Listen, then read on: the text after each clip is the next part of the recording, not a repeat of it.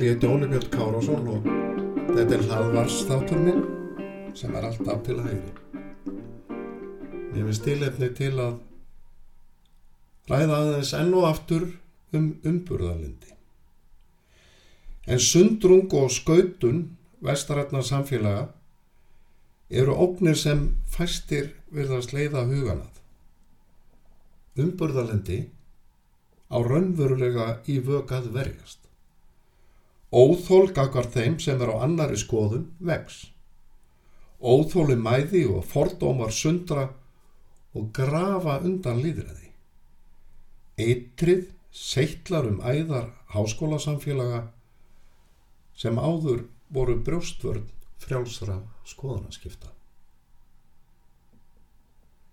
Í bandariskum háskólum hafa fræðimenn verið flæmdur úr starfi, skipulega er komið í veg fyrir opna og frjálsa umræðu. Háskólanir eru hægt og bítandi að neppa sjálfa sig í spennitreyju réttugsunar.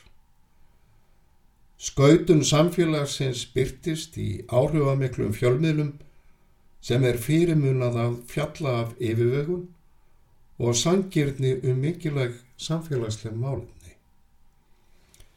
Hér á Íslandi hefur ríkisútvarpið verið að breytast í eins konar kirkjudeld pólitísk réttrúnaðar þar sem hlutleysi er fórnarlampið en skattgreðendur eru neittir til að borga reikningin. Með skipilugum hættir kynnt undir óþól og virðingaleysi gagart ólíkum skoðunum. Í stað rökuræðunar er reynd að kæfa anstað sjónamið. Dómar eru feldir yfir mönnum og málum.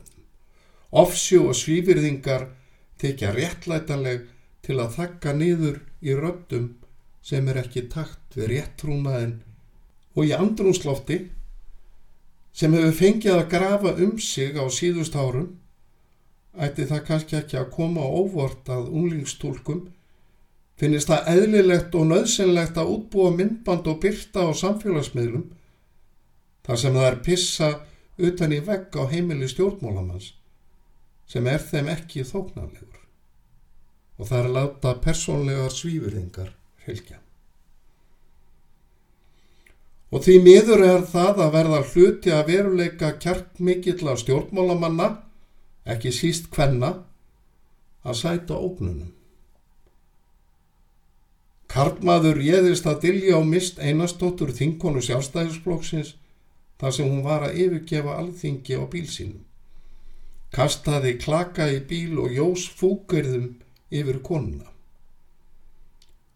Karlmaðurinn var hluti af mótmælundum vegna Palestínu.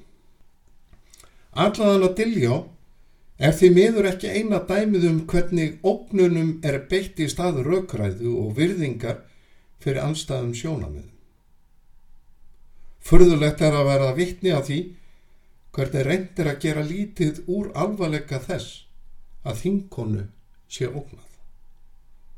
Og það er umhugsunavert að engin vinstri sinnaður feministi hefur fordæmt árásina.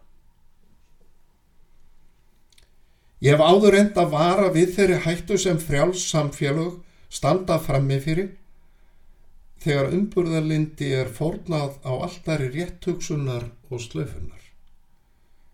Líðræðir kvílir á mörgum hortsteinum. Málfrelsi, það sem ólíkar skoðanir takast á, er einn þessara steina. Með lögum og stjórnáskrá er réttur hvers og eins treyður til að láta skoðanir sínar í ljós, án þess að eiga þá að hættu að vera refsað eða sæta ógnunum eða ofbeldi. En málfrelsið veitir engum rétt til að svífirða samborgara eða koma í vekk fyrir að sjónar með þeirra heyrist með háreisti og formalingum. Í grein sem byrtist í morgumblæðinu í september 2020 held ég því fram að á síðustu árum hafi svo kallu sjálfsmynda stjórnmál orðið stöðut áhrifameri á Vesturlöndum. Í stað almennarar hugmyndafræði, svo sem en réttindi einstaklinga, hlutverk ríkisins og stjórnskipan, snúist stjórnmál sjálfsmynda um þjóðfélagstöðu kynþætti, kynneið, trúarbröð og svo framvegis. Ég bent á að frelsi krefjast mikils af borgurunum. Sjálfsmyndastjórnmál mynda hins vegar farveg fyrir kröfur á samborgarana. Íta undir trúna á að samfélagið skuli skipulagt af hinnum rétt sínu.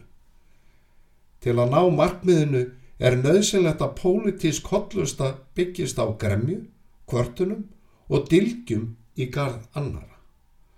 Þeir sem ekki taka undir eru skilgrendir sem fjandmenn og kúarar sem verða að þakka niður í og hver og einn leiti að innri styrkleika til að lifa farsælu lífi er talið fyrirlitlegt.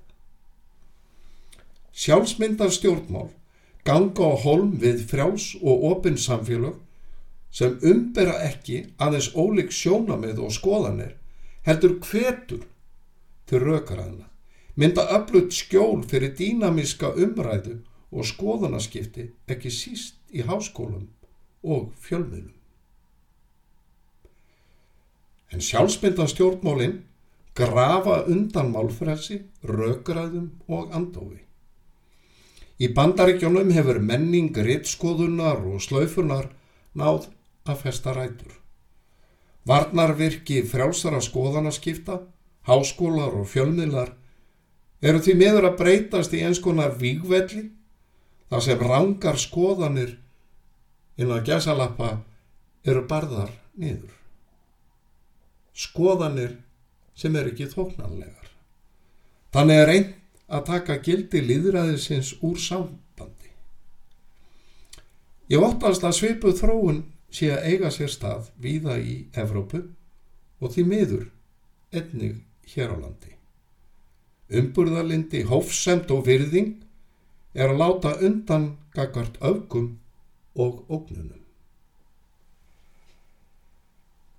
Ef ekki er spynt við fótum verður ofinber gaggrinni broti niður. Fræðimenn jæmt sem aðrir forðast að taka til máls beita sjálfa sig sjálfsþökkun til að sleppa við svívirðingar og til að verja fríðhelgi sinna nánustu. Og þannig molnar hægt en öruglega undan frelsinu og viðtekur okk hins ósynilega vals, sjálfsmyndar stjórnmála sem kindir undir átök og sundrungu. Stjórnlindi hefur alltaf kunnað illa við að leita sér svara við spurningum og þólir ekki gaggrinni. Þöggun er áhrifaríkt valdatæki pólitískar réttugsunar. Ég þakka þeim sem hlýtu í góða stundir.